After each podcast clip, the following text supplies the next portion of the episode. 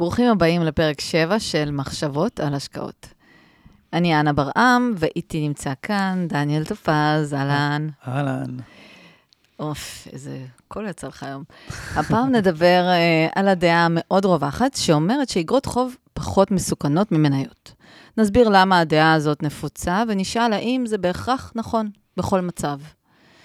לפני שנתחיל, נגיד שאם מצאתם ערך בתוכן שלנו, תחלקו אותו כדי שעוד אנשים יוכלו ליהנות ולהרוויח ממנו. אז דיסקליימר קטן ונמשיך. כל מה שאנחנו אומרים כאן בפודקאסט הוא על דעתנו בלבד, ולא מהווה שום, בשום צורה ואופן מידע שיש להסתמך עליו, וכמובן גם לא מהווה תחליף לייעוץ או שיווק השקעות, שצריך להתחשב בנתונים ובצרכים המיוחדים של כל אדם. לפניות בנושאים עסקיים, חשוב להגיד שאפשר למצוא אותנו בלינקדאין. אה, הלינקים לזה מופיעים בתיאור הפרק. אוקיי, נתחיל? נתחיל. מכירים את זה שאתם אה, יושבים עם יועץ השקעות או סוכן פנסיוני, והוא שואל כמה סיכון אתם רוצים לקחת. מוכנים לקחת סיכון? תשקיעו במניות. לא רוצים הרבה סיכון, אז תשקיעו ביותר אג"ח. האם באמת אג"ח בהכרח תמיד יותר בטוח ממניות? אז uh, בוודאי שלא תמיד. בפרק הזה אנחנו נסביר למה נהוג לחשוב שאג"ח תמיד יותר בטוח ממניות, ומה ההיגיון שעומד מאחורי המחשבה הזאת. כי כרגיל, כל אמירה שהמילה תמיד מופיעה בה היא כנראה בעייתית בעולם ההשקעות, ואולי בכלל בחיים. אמ, לגמרי, אני נוטה להסכים. ואגב, הרעיון לפרק הזה עלה בעקבות הפרק הקודם שהקלטנו, דיברנו שם על מקרה אחד, אה, שהוא מאוד מאוד ספציפי, שבו איגרת חוב מסוג מסוים, בוקר בהיר אחד, איגרות חוב, לא איגרת, אה, אה, האיגרות האלה היו שוות אפס, יום בהיר אחד. וכל הכסף עבד למי שהשקיע באגרות החוב האלה, אבל לעומת זאת, בעלי המניות של אותו, אותה חברה בדיוק ספגו פגיעה פחות חמורה. כן, האירוע הזה אה, שהסברנו עליו בהרחבה בפרק הקודם, גרם להרבה אנשים לשאול את השאלה, איך יכול להיות שאיגרות חוב הן מסוכנות יותר ממניות? כן, אגב, רק להבהיר, מה שגרם לאנשים לשאול שאלות זה האירוע עצמו ולא הפרק שלנו. לא? לפרק, הפרק שלנו אולי לכמה עשרות בודדות. הוא באמת, uh, המקרה של קרדיט סוויס, uh, שעליו דיברנו בפרק הקודם, הוא רק מקרה אחד שבו אגרות חוב עלולות להיות יותר מסוכנות ממניות. Um, אז חשבנו שכדאי לדבר על זה שיש עוד מצבים שיש בהם אגרות חוב, uh, שבהם אגרות חוב יכולות להיות uh, יותר מסוכנות ממניות. Um, ואולי כדאי להתחיל, שנתחיל מהשורש, מאיפה נובעת התפיסה הזאת. אז לפני שנצלול לשם, בואו ניישר קו בזריזות. מה זה בעצם אג"ח? אז אג"ח, או איגרת חוב, היא בעצם הלוואה לכל דבר. רק שהפעם אנחנו אלה שמלווים את הכסף, ואנחנו אלה שמקבלים את הריבית. זה מאוד דומה ללהפקיד כסף בפיקדון בבנק, אבל יש הבדל אחד שהוא מאוד מהותי, וזה שאיגרות חוב אפשר לקנות ולמכור אה, ממש כל יום, ממש כמו מניות. אוקיי, okay, אמ, um, ולמי אפשר להלוות כסף באמצעות אג"ח? לחברות, uh, נגיד... Uh, כמו בנקים, חברות uh, קבלניות, uh, יצרניות מזון, יצרניות uh, תרופות למשל. גם ו... למדינות. וגם למדינות, כן. ואגב, ב- בחו"ל יש עוד אפשרויות, נגיד יש אגרות חוב מוניציפליות, אפשר להלוות לרשויות מקומיות, זה פחות נפוץ בארץ, אז uh, אין הרבה מה להרחיב על זה כרגע. ולאיזה צורך חברות יכולות לקחת את ההלוואות האלה? אה, אז למשל, להקמה של פרויקט חדש, למימון מחקרים, לבנייה של מפעל, בעצם כל צורך שוטף של החברה. והמדינות, למה הן, הן לוקחות הלוואות? אז בדרך כלל בשביל לממן הקמה של uh, תשתיות לאומיות, פרויקטים לאומיים כלשהם, אמ, ובשלבים מאוחרים יותר, אחרי שהם כבר לקחו הלוואה ובנו את הכביש, אז uh, צריך להחזיר את ההלוואה, אז הרבה פעמים לוקחים הלוואה חדשה בשביל להחזיר את ההלוואה הישנה. אגב, גם בחברות זה ככה, כן. ברור. אז uh, אגרות חוב ומניות, מה השוני ביניהם? אז אם איגרת חוב מסמלת הלוואה שנתנו לעסק, אז מניה מסמלת בעלות uh, חלקית אה, על עסק, והבעלות הזאת מקנה לנו זכות ברווחים של החברה, כשהחברה המסוימת הזאת תחליט לחלק חלק מהרווחים האלה לבעלי המניות, מה שנקרא דיבידנד. וההבדל הוא שלפני שהחברה יכולה לחלק כסף לבעלי המניות שלה, היא חייבת קודם כל לשלם את הריביות שהיא חייבת ולהחזיר את ההלוואות שנפרעות באותה שנה. מה שאומר שבשנה נתונה, קודם כל משלמים לבעלי האג"ח מה שצריך לשלם להם באותה תקופה, ורק ממה שנשאר אפשר לחלק רווחים לבעלי המניות. אז די ברור לנו שאם אנחנו מדברים על חברה אחת מסוימת, לתת לה הלוואה כנראה יהיה יותר בטוח מאשר להיות בעל המניות, להיות uh, שותף בעסק. מכאן מגיעה התפיסה שאג"ח בהכרח יותר בטוח ממניות. כן, כנראה שזה השורש, כי בחברה ספציפית באמת יש קדימות לבעלי אג"ח על פני בעלי המניות. כן. אה, אבל גם התפיסה הזאת היא לא נכונה בהכרח בכל מצב, כי זה תלוי במחיר. לגמרי, אז בואו נסביר את זה רגע. אז אה, בואי נתחיל אולי מדוגמה שהיא קצת קיצונית. אה, היא קיצונית אבל לא תיאורטית, כי היו מקרים כאלה במציאות. אז נדמיין אג"ח, איגרת חוב כזאת, בעצם הלוואה, של 100 שקלים עם ריבית של 5% למשך שנתיים. זאת אומרת שבמשך השנתיים הבאות אני צריך לקבל חזרה 110 שקלים. 5 שקלים של ריבית בכל שנה, ו-100 שקלים את סכום ההלוואה אה, חזרה. אבל את האיגרת הזאת אני קונה בשוק ההון, ונניח ששילמתי, שוב, מקרה קיצוני, אבל שילמתי 120 שקלים בעבור האיגרת הזאת. עכשיו, אם שילמתי 120 שקלים ואני אקבל חזרה 110, ברור שאני אפסיד כסף. ברור שיש פה סיכון. נכון. אוקיי, אז באמת דברים כאלה קרו בעבר, אבל זה באמת לא נפוץ מאוד. בואו נדבר על מקרה פחות קיצוני. סבבה. אה, אז בואי רגע נדבר על סיכון. איך אנחנו בעצם מודדים סיכון?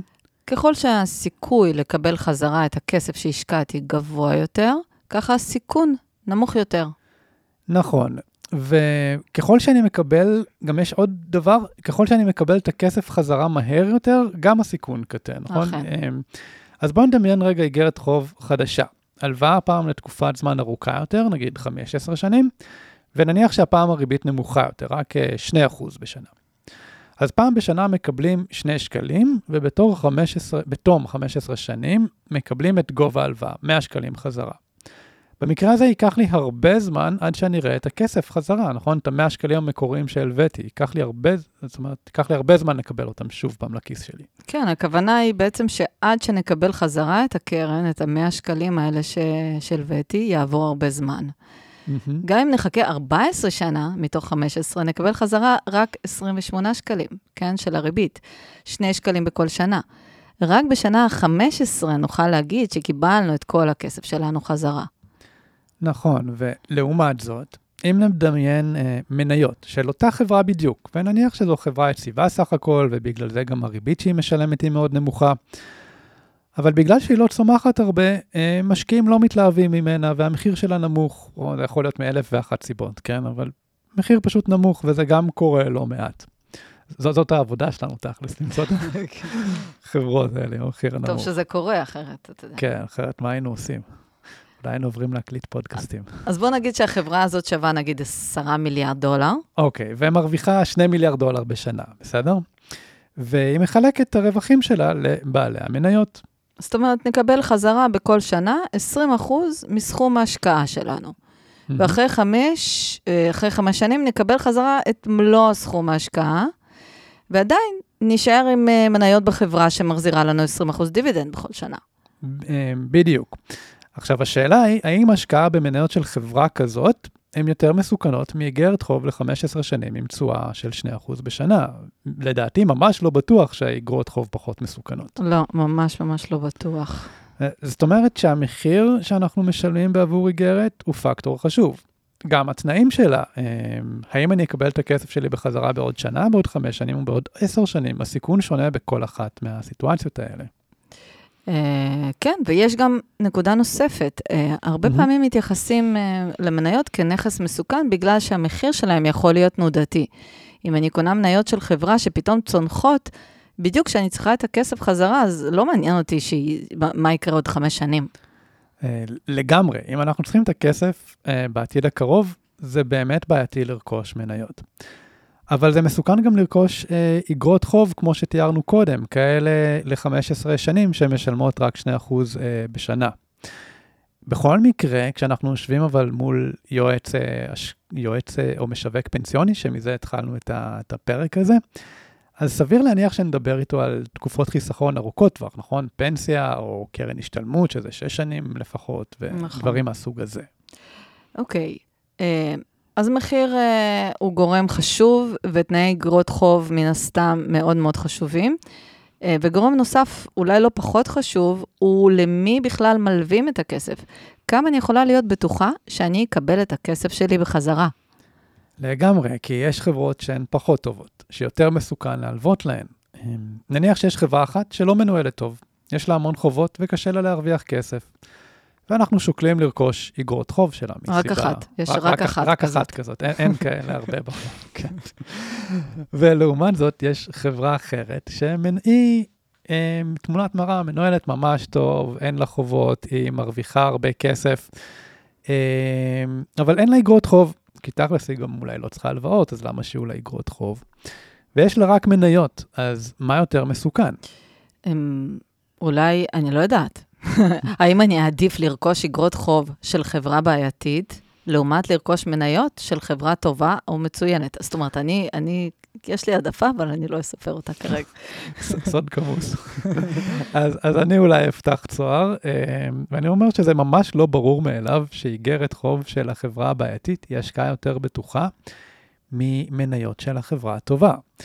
וזה מה שצריך להתחיל לבדוק לעומק, את מצב העסקים של החברות האלה, כמה אנחנו משלמים תמורת ההשקעה, מה התנאים של איגרת החוב ו- וכולי. ממש לא ברור מאליו שאיגרת חוב תהיה יותר בטוחה ממניות בחברה טובה. אוקיי. אוקיי. ו- וכמובן, אולי לתת דוגמה, אל תיקחו את זה כהמלצה, אבל אולי כן בשביל להמחיש.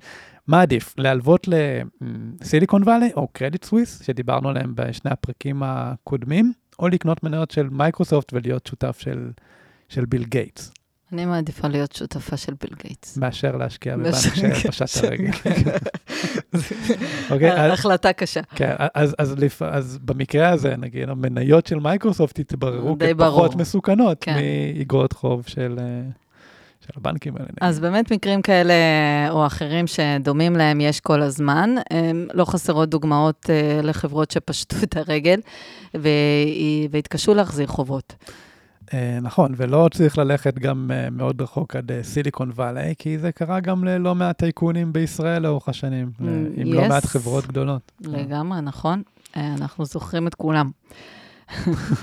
לזכור ולא לשכוח. בדיוק. אמ, אוקיי, אז עד עכשיו דיברנו על אה, חברות, ומה עם אגרות חוב של מדינות? הדעה הרווחת היא שהן יותר בטוחות. מה איתן? אז בדיוק אותו דבר, תלוי מי המדינה. יש מדינות שיהיה להן יותר קל להחזיר את החובות שלהן, ויש מדינות שפחות. צריך לבדוק כל מקרה לגופו. וצריך גם להתייחס כמובן אה, לעניין המטבע. במקרה הזה. אה, ממש, כי יכול להיות שאיגרות חוב של ממשלת גרמניה, אה, זו השקעה מאוד מאוד בטוחה, במובן שאני לא חושש שאני לא אקבל את הכסף שלי חזרה. הסבירות או הסיכוי שאני אקבל את הכסף שלי חזרה מאג"חים של ממשלת גרמניה היא מאוד מאוד גבוהה. אבל ממשלת גרמניה מנפיקה אג"חים רק ביורו. אז אם אני בוחר לרכוש אגרות חוב כאלה, אני חייב לקחת את זה בחשבון, ולפעמים שער החליפין יכול להשפיע יותר מהריבית שאיגרות חוב כאלה משלמות. אה, אז גם פה האמירות הכלליות הן פשוט לא מספיק טובות. זאת אומרת, mm-hmm. כשמגיע אליי יועץ פנסיוני ואומר לי, תשימי כסף במסלול אג"חי כי זה יותר בטוח, זה ממש לא ודאי. מאוד תלוי איזה אגרות חוב נמצאות במסלול האג"חי ואיזה מניות נמצאות במסלול המנייתי. אמ, לגמרי נכון. כשמציגים לנו בחירה בין אג"ח למניות, לאו דווקא מדובר באותן חברות. זאת אומרת, יכול מאוד להיות שבמסלול האג"חי שהציעו לנו, אה, יהיו, יהיה סל של חברות שהוא שונה מאוד מהסל של החברות במסלול המנייתי. אולי עוד איזה, עוד איזה דוגמה קטנה, כן? תחשבו על, אה, על מה שקרה בקורונה, עם הסגרים אה, והתרסקות של מחיר הנפט, אז סתם למשל, השוואה מאוד uh, גסה, אבל איגרת חוב של חברה שמפיקה נפט הייתה הרבה יותר מסוכנת ממניות של חברות שמכרו מזון, כן? כי כולם נעמדו, במיוחד אם מכרת מזון אונליין. כי כולם uh, רצו לקנות, uh, הצטיידו בטונה ונייר טואלט, ו- ואם עשית משלוח עד הבית, אז עוד יותר טוב. והחברות האלה, כמו אמזון ווולמארט, וכן, ואחרות, הרוויחו המון כסף. וחברות שהפיקו נפט או מוצרי אנרגיה, היה להן מאוד מאוד קשה. אז מניות בוולמארט התבררו כיותר בטוחות מאגרות חוב של חברות הפקת אנרגיה, למשל, בתקופה ההיא. נכון, ממש. אוקיי, אז מה אמרנו היום? אגרות חוב ככלל אמורות להיות פחות מסוכנות, כי החברות שמנפיקות אותן צריכות קודם כל לשלם את ההתחייבויות, ורק אם נשאר להם כסף, הן יכולות להחליט ולהחזיר אותו לבעלי מניות. אבל זה לא אומר שכל איגרת חוב היא בהכרח פחות מסוכנת מכל מניה. בגדול צריך לבחון כל מקרה לגופו, מי החברה שמלווים לה את הכסף, מה המחיר איגרת חוב ומה תנאי התשלום שלה. לגמרי. זהו, חברים. זהו, זאת הייתה המחשבה שלנו להיום. להיום. להיום. תודה, דניאל. תודה, אנה. תודה לכם. עד הפרק הבא. ביי ביי. ביי.